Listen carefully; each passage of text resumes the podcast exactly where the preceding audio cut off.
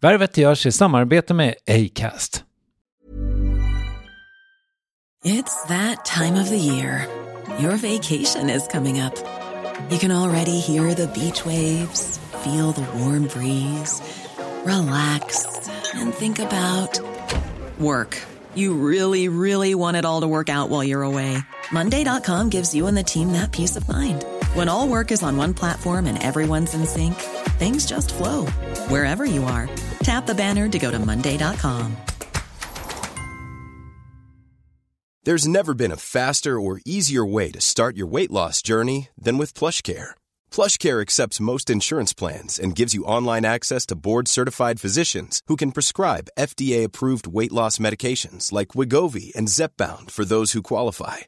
Take charge of your health and speak with a board-certified physician about a weight loss plan that's right for you.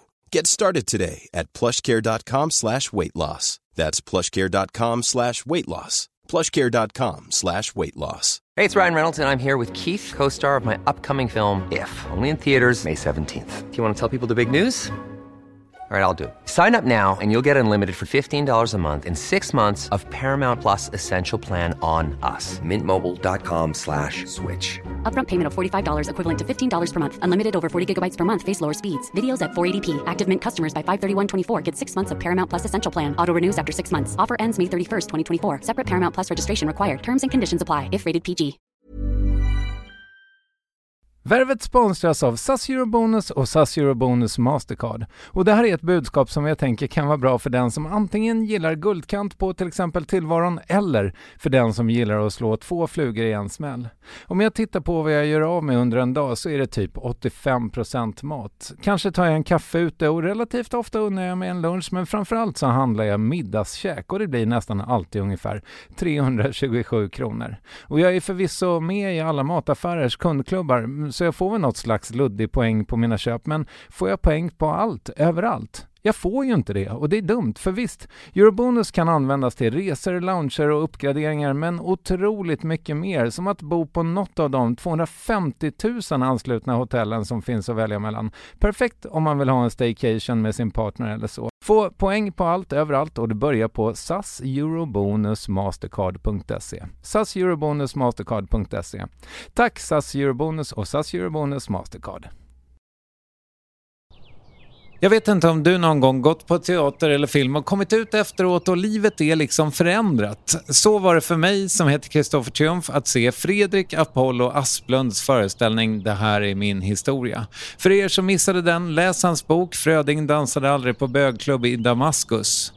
Men först, njut av Värvets andra sommarvikarieavsnitt. Det med just Apollo. Dansare, DJ, skådespelare, författare, dramatiker, vårdbiträde, radiopersonlighet och kolloledare i sommar med mera. Som samtalar med Steve Sjöqvist, diakon på Sankt Görans sjukhus, aids-överlevare, en av de första, mer om det snart, och författare. Nu kör vi!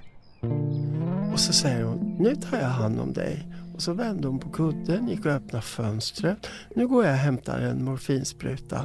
Och när hon kom in så sa hon, om det inte går över om 20 minuter så kommer jag med en till. Så ska du se att det blir bra. Och jag har skrivit om det här. Och, för det blev bra. Men hon hade förtrogenhet och det kände jag.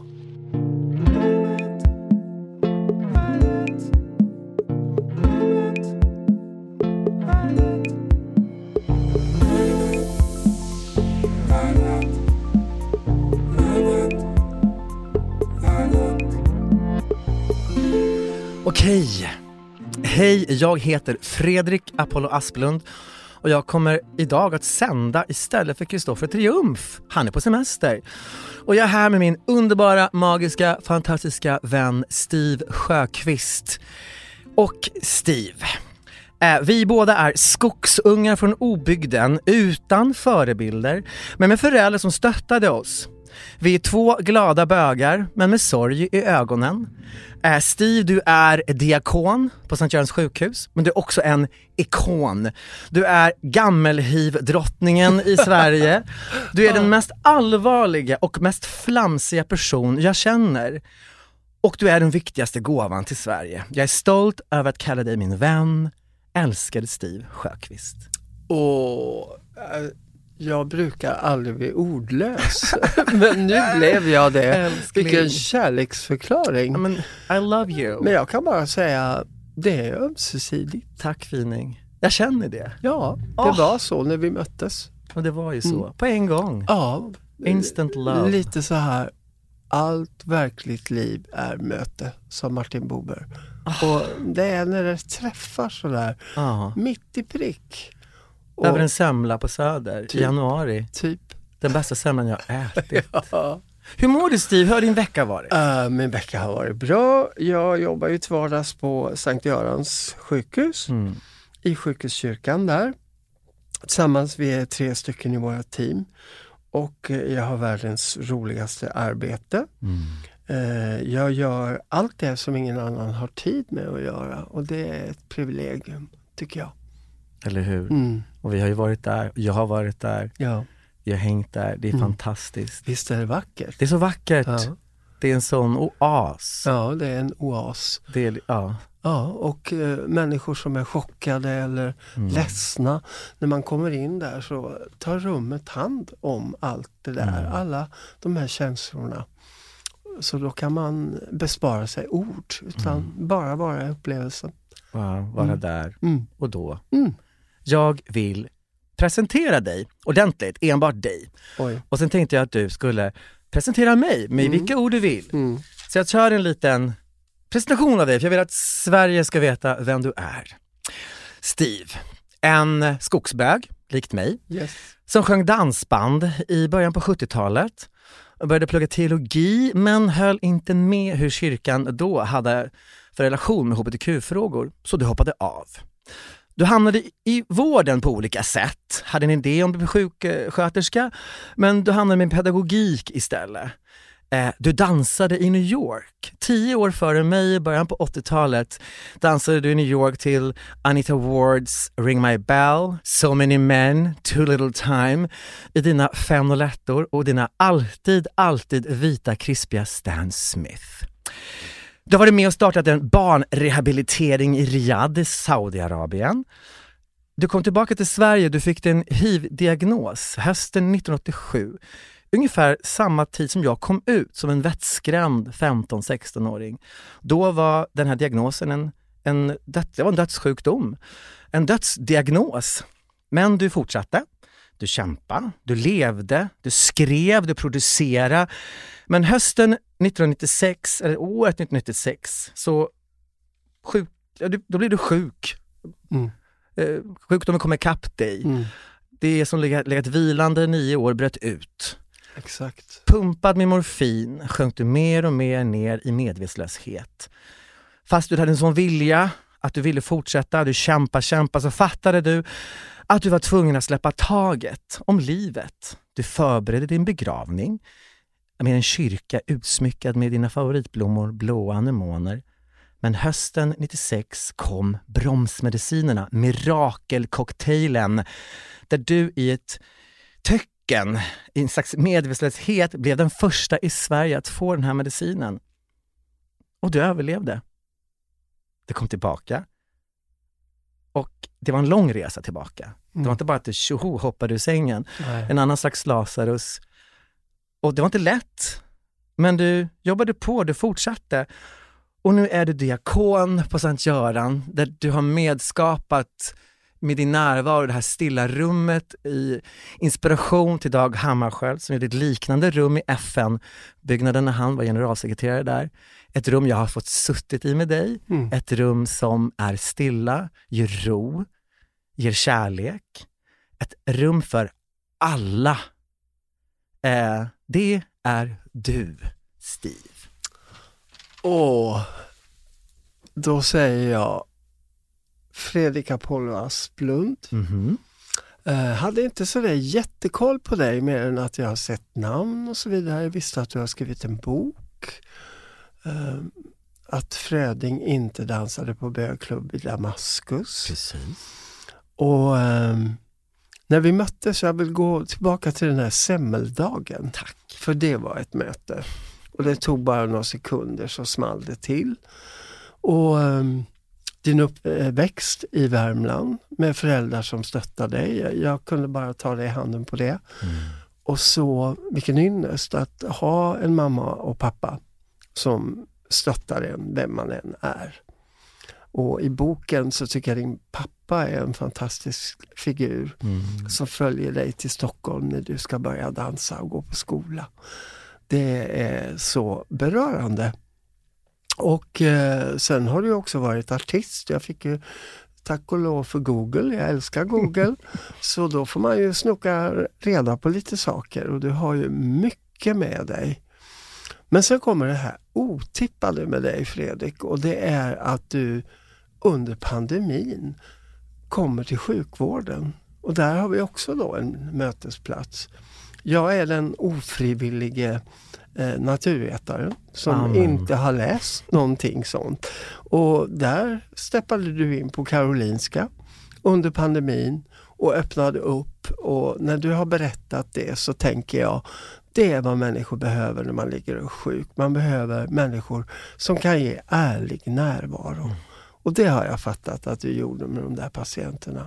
Och då kan man, och enligt egen erfarenhet, att möta någon som är generös, bjuder på sig själv och vill möta oss som ligger i de där sängarna med plastlappar på. Det, är, det ger styrka och det ger mod för den som är sjuk. Och ja, Jag tycker det var så fantastiskt när du berättade om det. Också att du blev emottagen på ett sånt otroligt fint sätt. Så att eh, jag skulle nog vilja se lite mer av det i sjukvården framåt.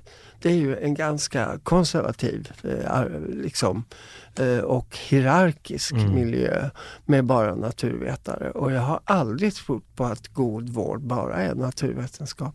Utan måste in mycket humaniora och mycket mänsklighet. Humanior, allvarlighet och flams Ja, till sjukvård. Vad f- exakt. Jag älskar att prata sjukvård med dig. Det är så fint med allt annat vi pratar om.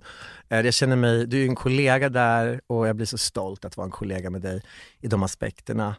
Och också vad vi pratar om, för det vill jag gå in på nu. Alltså du har ju lärt mig om Dag Hammarskjöld, denna gigant, den här ikon eh, som dog en dåla i Zaire, nej? Nej, nu, nuvarande Zambia. Zambia, precis. Vilket år var det? 1961. 1961. Och så att vi har ju nämnt det här teologi, Dag Hammarskjöld, men även har du din favorit filosof Kierkegaard. Jag tänkte bara så här, teologi, Kierkegaard, Dag Hammarskjöld. Ja. Hur ramlar de här in i ditt liv? Ja. Jag kan börja med Hammarskjöld, för, med Hammarskjöld. Det, för det var tidigt. Då Mhm. gick jag på gymnasiet i Karlstad och fick eh, lämna det här brukssamhället som jag bodde med mina föräldrar. Eh, jag sa att jag vill inte pendla. Och det var en frihet att komma till en stad. Liksom. Jag stod där på torget och tänkte att wow, det här är frihet. Men då fick jag, eh, jag var engagerad i kyrkans ungdom, eller kyrkans unga. Och så var det en präst som sa att ja, jag ska ge dig den här boken för du är en person som kommer att uppskatta den. Och så fick jag en sönderläst bok med vattenfläckar på och jag tänkte nog lite fräckt, du kunde väl gett mig en ny bok när du skulle ge mig en bok. Långt senare eh, upptäckte jag ju att det här var liksom förstahandsutgåvan som kom 1963. Det var en sån bok jag hade först som var bland de första som kom. Så det har jag ju satt pris på när jag väl förstod det. Och eh, hur läser man en dagbok? Jag vet att jag tittade i den och jag, jag ja, fattade nog inte så mycket. Det var en del citat som jag tyckte, hmm, det lät väl bra. Men jag visste att den där boken var viktig. Och så fick den flytta med till Karlstad och den fick flytta med till Göteborg. Och sen en vacker dag, eh, jag tror det var 1981, så låg den på mitt nattduksbord och jag hade sagt upp mig från mitt första jobb. Och kommer hem och är förbannad och jätteirriterad och sliter upp dagboken, vägmärken och så faller blicken på ett vägmärke som låter så här. dessa färdiga, dessa självklara som går omkring i sin framgångs skinande rustning. Hur kan du låta dig irriteras av dem? Låt dem leva på det plan där det gäller. Alltså jag älskar det citatet, du gav Oh! mig det citatet, jag läste Ja. det idag senast. Visst är det underbart? Är det underbart? Och jag blev fullständigt kolugn och det Mm. var som ilskan rann ut och tänkte att nej, jag ska fanken inte ge plats för det här. Nej. Det bara äter mig. Så väck med det. Väck med det. Och Kierkegaard. Ja, eh, Kierkegaard kom upp, eh, jag har varit väldigt mycket i Danmark. Mm. Jag har en av mina bästa vänner, Hanne, som bor där. Och vi arbetade ihop i Riyadh eh, 1985.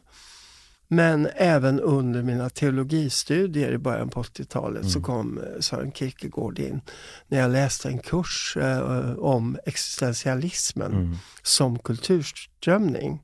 Och det var ju liksom Jean-Paul Sartre, Simone de Beauvoir i den franska gruppen och så var det den tyska. Men Sören Kierkegaard ligger ju, eh, är ju grundaren av existentialismen.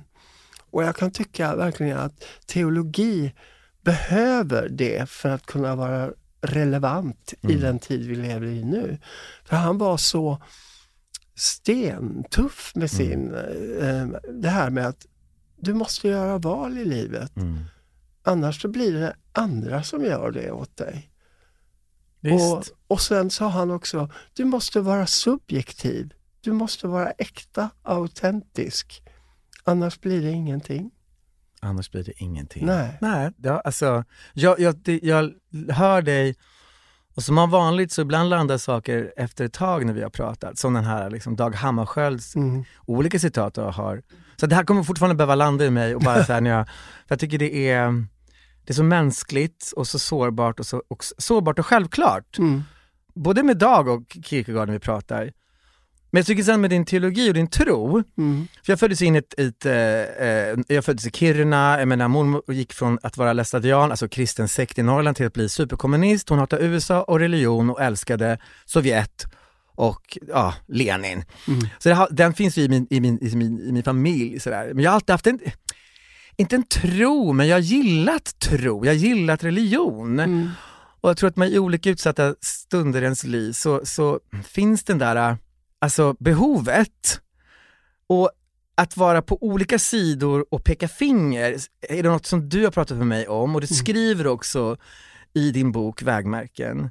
Eh, nej, Vägen valde dig. Vä- Vägen valde dig, förlåt, Ja. du är Dag Hammarskjöld. Vägen valde dig, vägen valde dig. Ja. Äh, och det handlar om det irrationella versus det rationella Mm.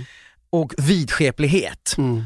Och att vara extrem åt, v- att va, alltså varken det irrationella eller rationella, där, där finns dock vidskeplighet ändå. Mm. Eh, kan du bara förklara, du skriver så fint i din bok. Ja, nej men det är, det är ju inte min grej. Man hittar ju saker Ja, från andra. såklart. Och, ehm, men det här att vi ska vara så rationella, vi ska ha manualer Mm. och vi ska inte tänka själv, vi ska titta vad det står i manualen. Mm. Vi, den tiden är provocerande som vi har nu. Liksom, Mm. det, eh, liksom, jag vet inte vad vi kommer att bli, liksom, icke-tänkande varelser om, Mm. om det fortsätter. Mm. Eh, Det måste alltid gå igenom mig själv men att vara rationell och att vara irrationell det är två sidor av samma sak. Mm. Och överdriver man någon av polerna så blir man lika vidskeplig. Mm.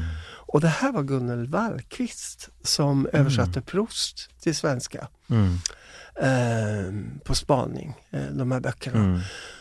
Och hon skriver, eh, åt- på 80-talet hittade jag den boken och just den strofen gick rakt in för det irrationella då, där till exempel tro ingår. Mm.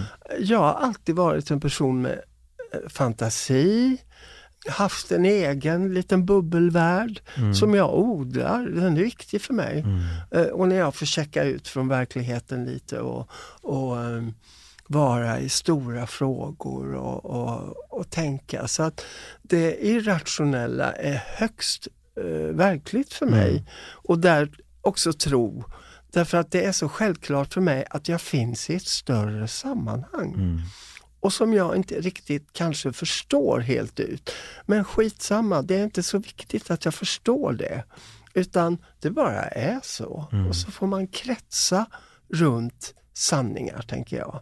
Jag blir livrädd för folk som äger sanningar. Ja, men för att jag tänker, när, du, när jag läste det i din bok och när vi pratade om när vi har träffats, så tänker jag just på det här, det här det irrationella och det rummet att checka ut från verkligheten. För att antingen om du ska hantera döden eller, eller helt enkelt bara hantera traumer. Mm. Mitt trauma var ju när jag då kom in på den Kungliga Svenska Balettskolan som 12-åring. Jag bodde Mm. alltså med min familj i skog i Värmland. Ja. Och de kunde på något vis, alltså som Billy Elliot, ni som lyssnar, Ah, jag var före honom, eh, före filmen. Men så, så, så jag fick ju då som en slags talang på den här elitskolan lämna min familj och bo i en slags fosterfamilj när jag kommer till Stockholm. För att gå på den här elitskolan, stöpas om i en slags en balettrobot, en väldigt brutal miljö. Eh, och dessutom var det aidsbomben hade briserat 85 och det var liksom en extrem homofobi, mobbning, eh, penalism psykisk misshandel från lärare.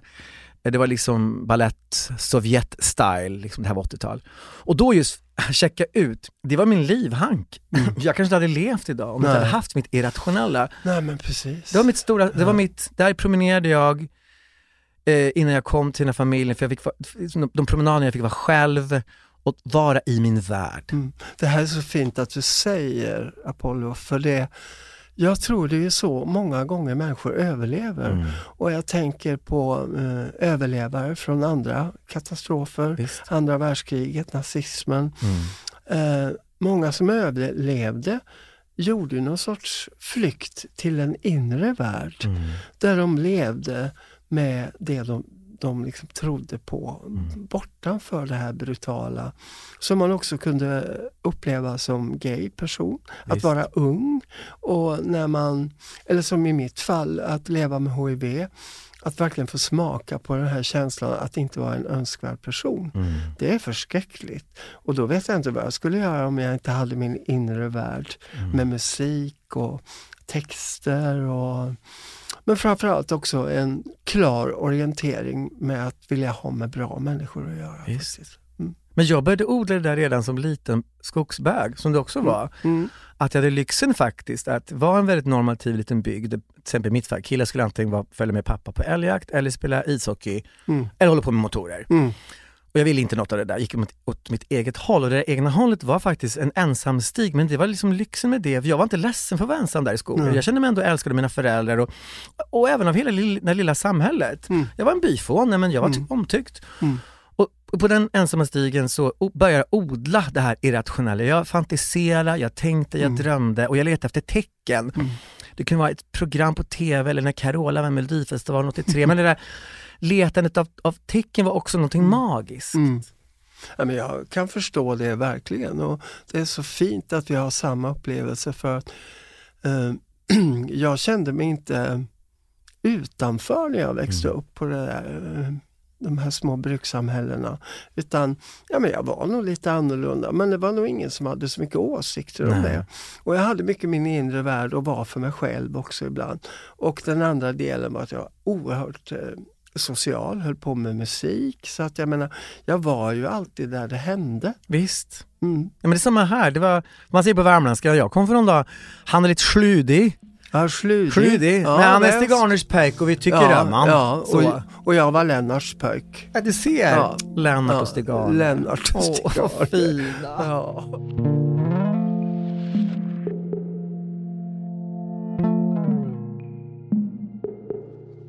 Jag har eh, i det här eh, teologin och i det irrationella, rationella och mag- magin så har du presenterat mig för FQ. ja. Kan du berätta lite i den, liksom beskriva så fint vad FQ är i mellan vilka, parametrar eller så här Mm. bara. Mm. FQ, vi kan ta skalan från Ja. början. Mm. Och eh, då är det IQ, då brukar alla nicka för det Ja. vet vi vad det är. Sitter jag nickar Ja, nu nickar du också. Mm. Och så säger jag EQ och det har Mm. också folk tuggat i sig, känslans intelligens. Så det kan man också. Men sen kommer det till FQ Mm. och det är förtrogenhetskunskapen. För, förtrogenhetskunskap. Jag tycker det är så vackert Ja. ord. Att vara förtrogen med det man gör. Och jag tillskriver då som har jobbat mycket med medicinsk etik och jobbar med vårdpersonal och så vidare. Och det är det här ofta man tillskriver en erfaren person som har varit med om många saker. Mm. Och jag vet själv som patient när man hade med erfarna sjuksköterskor att göra. Jag vet syster Rut, hon var säkert mellan 60-65, jobbat mm. på natten på SÖS, på Södersjukhuset och hon kom in till mig och hade jätteont och tänkte att nu blir det natt igen och då är det alltid svårare med nätter. Mm. Och så säger hon, nu tar jag hand om dig. Och så vände hon på kudden, gick och öppnade fönstret. Nu går jag och hämtar en morfinspruta så ska du se att det blir bra. Mm. Och när hon kom in så sa hon, om det inte går över om 20 minuter så kommer jag med en till. Så ska du se att det blir bra. Mm. Och jag har skrivit om det här. Och, för det blev bra. Men hon hade förtrogenhet och det kände jag. Mm. Och det är ju det, att man speglar att jag kan andas lugnare om jag vet att du är förtrogen med det du håller på. Och speciellt när vi har hjälpande funktioner så tror jag det är jätteviktigt. Och det, det är intressant för trogenhetskunskap handlar inte om det verbala, peka med hela handen, mm. vet var skåpet ska stå, utan du kan aldrig lura någon. Förtrogenheten är så jäkla äkta. Ja, och den är direkt och det handlar om någon sorts helhetsupplevelse mm. där också känslan är viktig. Att jag känner att jag kan lita på dig mm. i den här situationen. Mm. Och Det är faktiskt magiskt när man eh, får vara med om det. Och det är därför då vi ska försöka, tänker jag, varje gång jag ska gå in på ett rum så har jag lärt mig att nej men, jag stannar till utanför dörren, mm. jag tar ett djupt andetag och så knackar jag på dörren. Så att jag verkligen är mm. närvarande när jag mm. ska gå in till en patient eller närstående. Och det är så viktigt i vad vi än gör. Jag menar, personen som sitter på ICA, där kan man uppleva också någon som är så här riktigt närvarande och tittar mig i ögonen Visst. och säger tack så mycket. Mm. Alltså det är fint. Det är alltså, för, jag ska bara ner idéer vi pratar om, det är så roliga att när vi pratar så får vi ett flöde nu, för det är roligt att nu, för jag, FQ, jag hade inte riktigt förstått det faktiskt när jag skrev ner det här på lappen här, FQ förklarar igen älskade Steve. Och så gör du nu, ja. förtrogenhet, mm. vad vi gör. Mm. För nu vill jag nämligen prata om Dag Hammarskjöld och kongruens. Ja och, och berätta lite om kongruens. För nu har jag en liten uh, grej på det här sen. Kongruens ja. älskling, Kongru Kongruens är ett väldigt fint ord då. Mm. Men man ska väl kunna säga samklang, mm. eh, tänker jag på. Och det är ju så här, som jag är extremt känslig, eh, vad är det vi säger och vad är det vi gör? Jag jobbar i kyrkan och ibland kan vi ha lite övertoner, att vi, har, att vi säger väldigt mycket fina saker om kärlek och så. Uh, och det kan bli lite kletigt ibland. Så uh, det är viktigt att det är någon klangbotten mm. i det jag säger och det jag gör. Och det talar uh, Dag Hammarskjöld mycket om. Och han var ju en mystiker. Mm men det är ju inget skumt, någon tokig människa som sitter i något hörn, utan en högst närvarande människa i det levande livet, mm. mitt i samhället, mitt i de viktiga frågorna som gäller människor. Där var han, men där fanns också hans mystik. Mm. Och han var väldigt noga hur han uttryckte sig och vad han sa. Mm. Han slirade inte på orden, utan han var sådär exakt med vad han menar. Och Det har blivit jätteviktigt för mig när vi pratar också om alla har lika värde, mänskliga rättigheter och så går man igång. Och så tänkte jag, ah, ja men gud nu får det bottna i någonting. Och då skulle jag vilja säga, ja men det finns mycket mer att göra och så får man ge praktiska exempel Visst.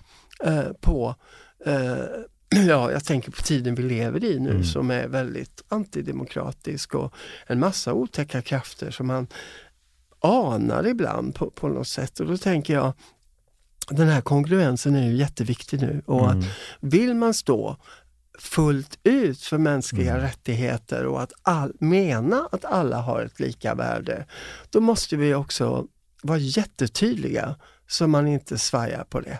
Nej, det är, det är just för att det har vi pratat om där. Jag ser vad du gör, jag, jag hör inte vad du säger, jag ser Ja. vad du gör. Ja. För att när vi pratar om kongruens och bottnad så tänker jag väldigt mycket på, jag har tampats med heterosexuella normativa maskulina män i hela mitt liv, det har vi båda gjort. Ja. Och de tappar lite makt nu, det, det är en bättre tid på sätt och vis, därför är det så mycket motstånd just nu också. Och jag tänker på män som haft i chefsposition eller som är eh, eh, självutnämnda arbetsledare, vad det nu kan ha varit, man har jobbat för någonting. Då kallar de för män som pekar med hela handen och vet var skåpet ska stå. Mm. Vi som inte är de, vi vet att ingen vet var skåpet ska stå. Nej. Att veta var skåpet ska stå, som är en, en fars, en chimär, det är ju för mig icke-kongruens.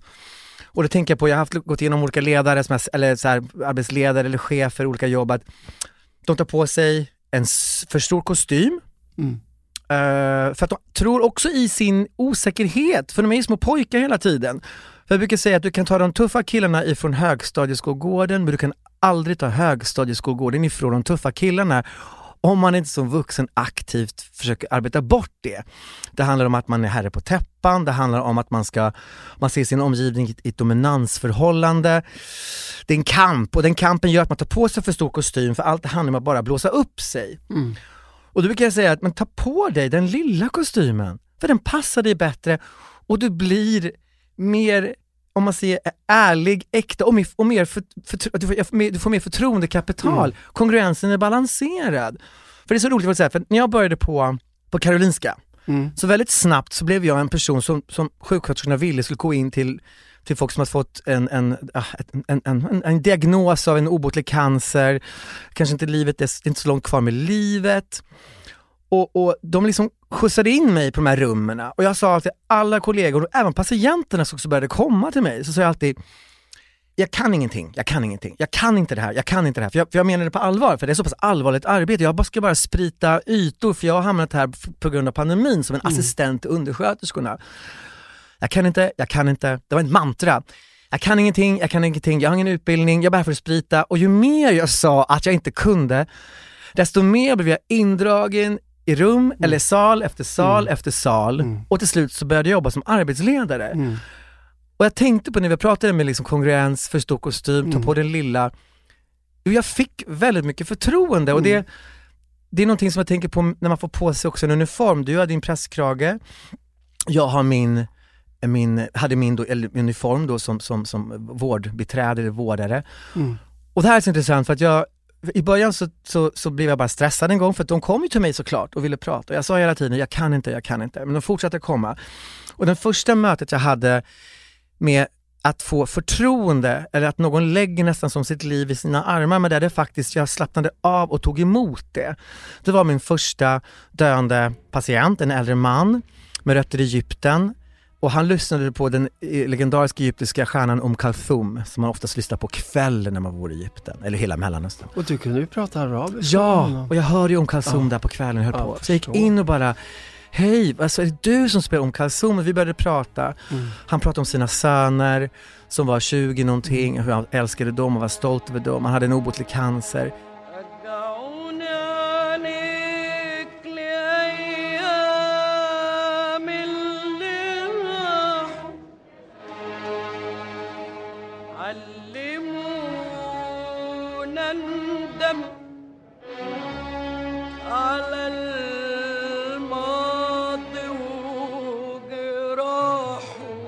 Sen började han också prata om mig med sina söner. Och det är, en- det är en svennebanan på min korridor som pratar arabiska.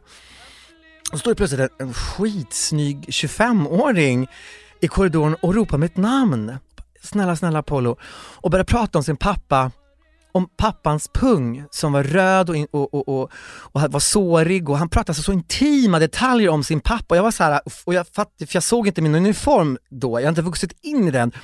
Så jag blev såhär i huvudet, det är som att en snygg kille på Rish i, i Stockholm skulle prata om sin pappas pung. Jag bara, men vem är du, vem är jag, vad är det här? Alltså just ja, just ja.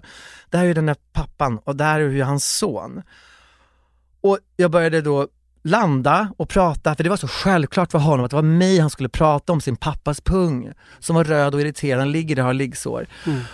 Och sen så blev det så att när pappan dog så var det jag som fick, det bara blev så. Jag fick sitta med familjen och bara prata det, det lilla om det mest triviala. Och där växte jag in i min uniform. Mm, underbart. Men jag kan ju se det utifrån då och tycker att det är självklart eftersom jag uppfattar dig som en stark person men också sårbar person. Och det, det är en oslagbar kombo.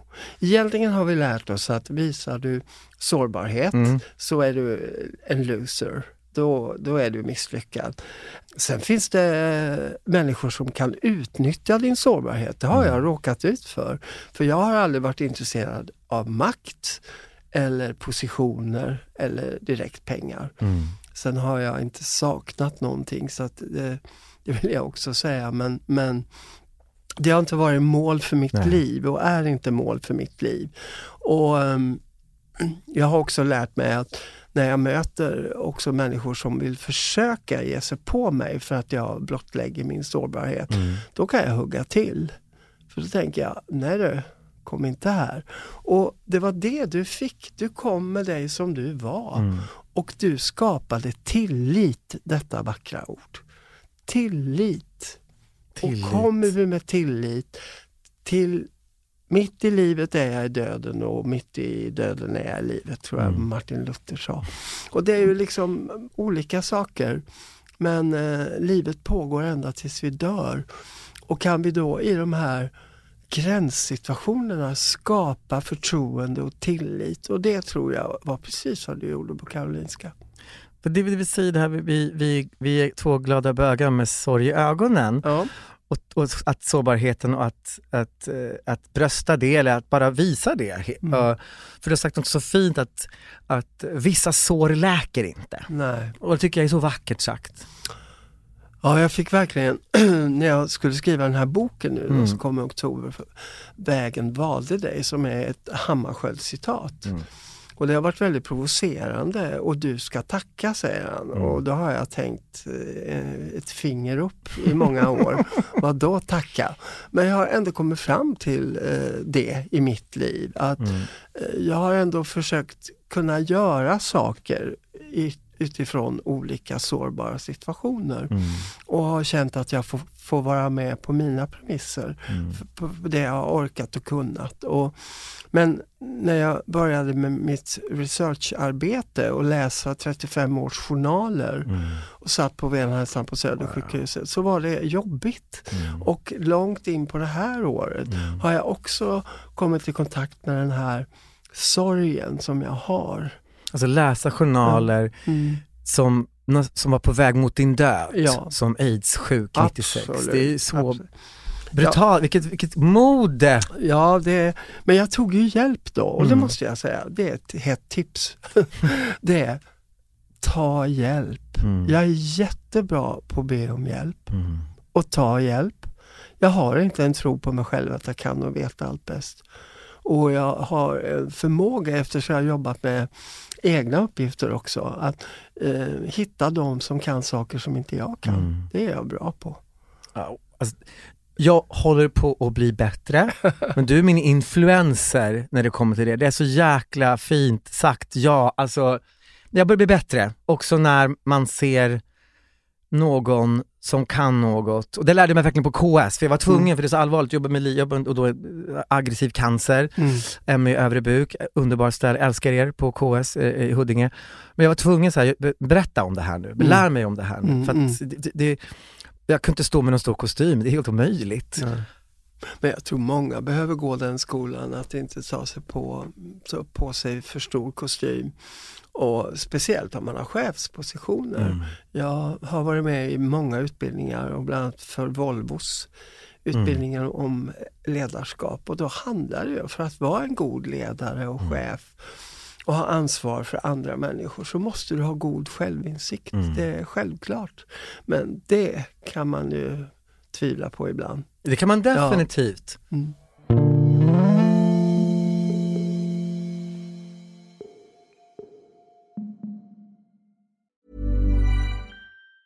Hey, it's Ryan Reynolds, and I'm here with Keith, co star of my upcoming film, If, only in theaters, May 17th. Do you want to tell people the big news?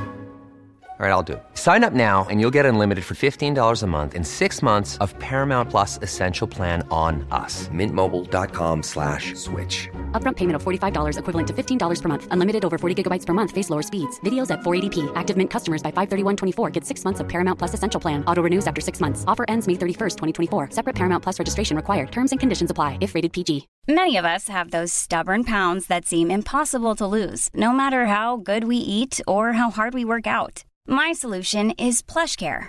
PlushCare is a leading telehealth provider with doctors who are there for you day and night to partner with you in your weight loss journey. They can prescribe FDA-approved weight loss medications like Wagovi and Zepbound for those who qualify.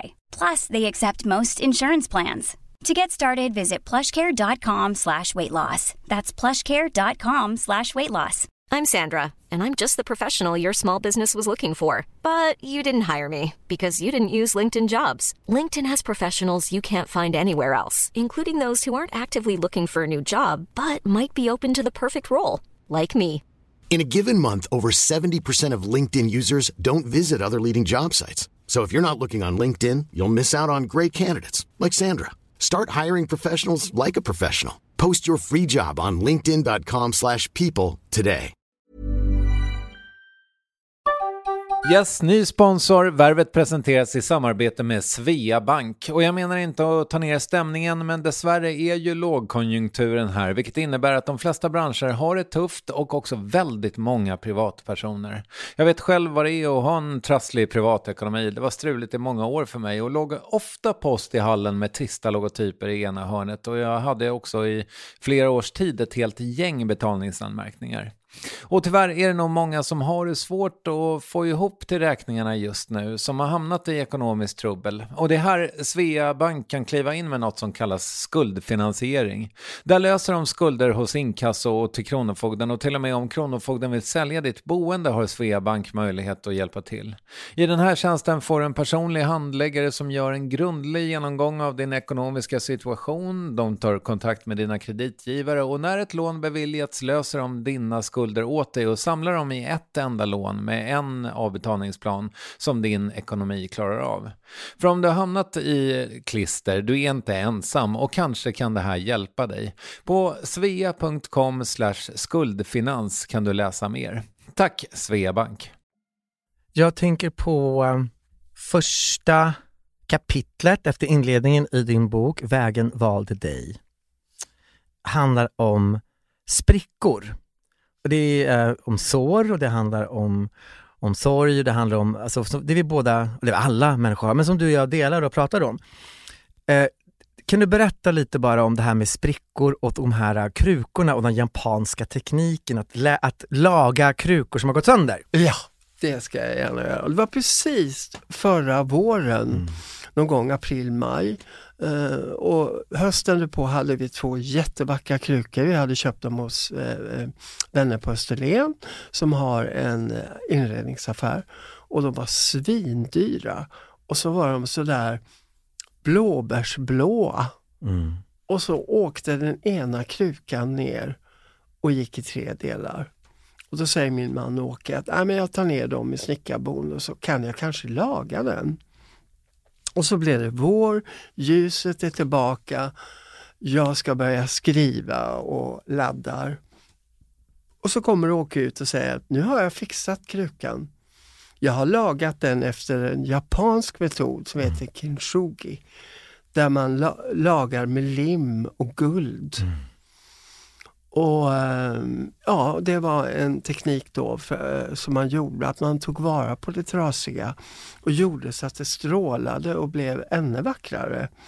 Och så mitt en vårdag där och solen lyser så kommer den här krukan ut och det är nästan så jag tycker bättre om den ena krukan som har sprickor. Mm.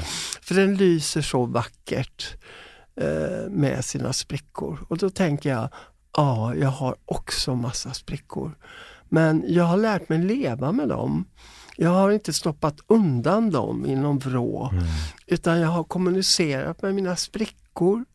Uh, jag har tillåtit mig, tillåtit mig själv att bli ledsen. Och jag har också kommunicerat med människor som jag tycker om, mm. om mina sprickor och vad jag bär med mig. Och uh, då blir det ju så konstigt att Det är därför jag kan säga vägen valde dig och du ska tacka. Mm.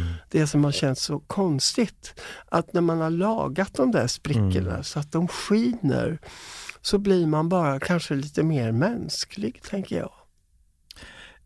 Jag, för det har fått mig att tänka på Kenshugi, heter tekniken. Mm. Min Kenshugi blev när jag var 17, när jag hade gått då den här Kungliga Svenska Balettskolan på 80-talet. Jag gick ut 89 nian och fick ett stipendium för att gå gymnasiet men jag sa ett finger upp och tog stipendiet och drog till New York när jag var 17. Och då kan ni tänka er ett, år, ett 80-tal av mobbning, rädsla, sexuella övergrepp, fosterfall. Alltså det var, det var brutalt, brutalt. Men jag tog mig på andra sidan, jag hade min, min, min irrationella rum som tog mig framåt. Men så drog jag till New York 1990, tio år ungefär efter dig.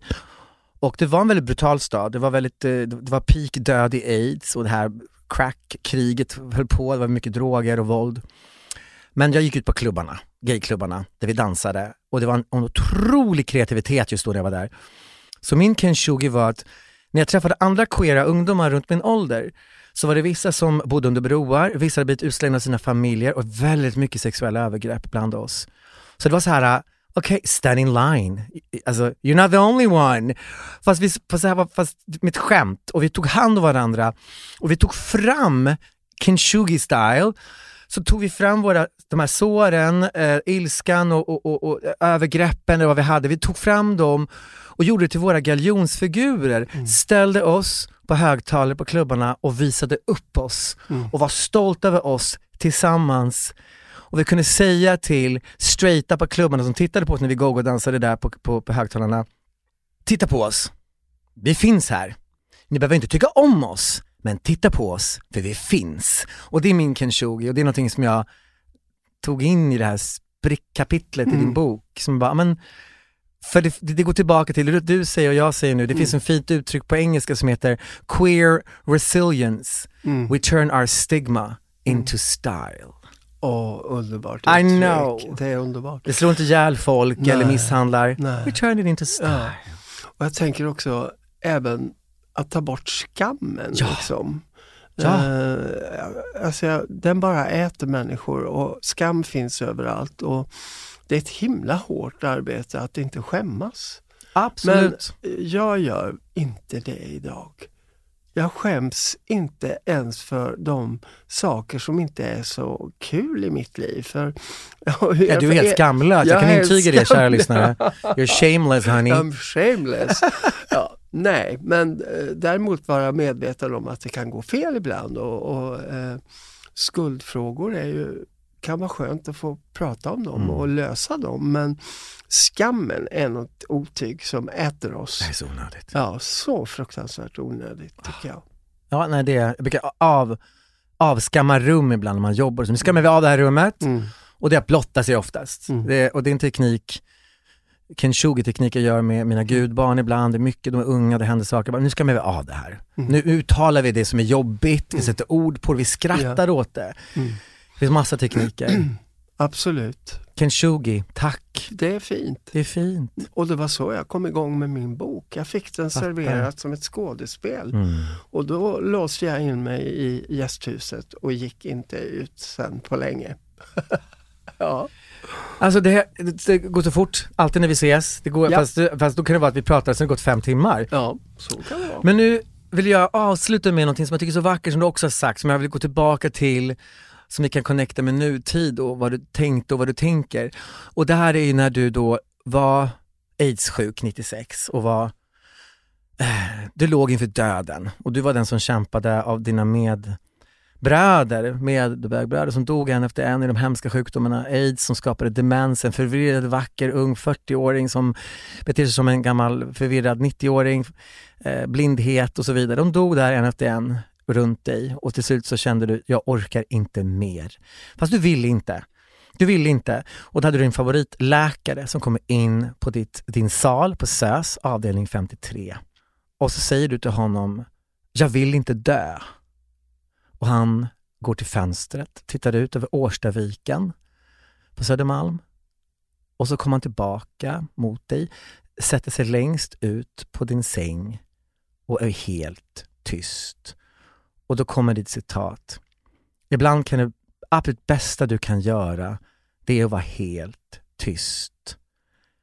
Um, bara, jag tycker det är, så, det, det är sån mic drop som man säger, det är så vackert sagt. Bara, vad, hur tänker du om det idag när du tänker på resultatet? Liksom att, har det hjälpt dig i ditt jobb som diakon? Och... Absolut, och jag, jag pratar ju mycket och jag pratar för mycket ibland. så att eh, rent privat kan man säga att men hallå, nu har du tagit allt syre i det här rummet och det är något jag är engagerad i.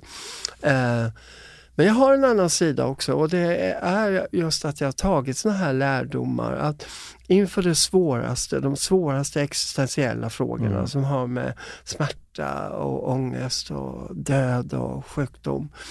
Så är det inte en massa ord utan det är att vara ärligt närvarande. Och det var mm. min läkare Per, mm. som var en fantastisk man. Mm och eh, tyvärr död. Mm. Afrikavän, eh, helt eh, jätteengagerad mm. då person. Och det har jag nog tagit med mig från upplevelser att, att jag behöver inte säga så mycket när det är svårt. Och ibland blir jag tackad för saker och så kan jag gå därifrån och så tänker jag, jag gjorde ju ingenting. Mm. mm. Så är det mycket i mitt jobb. Ah, vilket avslut. Mm. Ja, ska vi hänga runt här och göra som vi brukar göra, sitta några timmar till? ja, det ska vi inte. Jag tror de kommer att kasta ut oss. ut oss härifrån. äh, älskade Steve Sjöqvist. Äh, tack för att du är min vän. Tack kära Apollo för att du är min vän. Och detta var en ynnest. Äh, Steve Sjöqvist, också boken Vägen valde dig. Eh, jo, jag har skrivit Fröding dansar aldrig på bögklubb i Damaskus. Eh, två fantastiska bögskildringar. Läs dem och ta hand om er där ute i sommaren. Eh, var tysta, prata, var balanserade och kongruensvänliga. Eh, hoppas ni mår bra. Eh, all kärlek till er. Tack så mycket.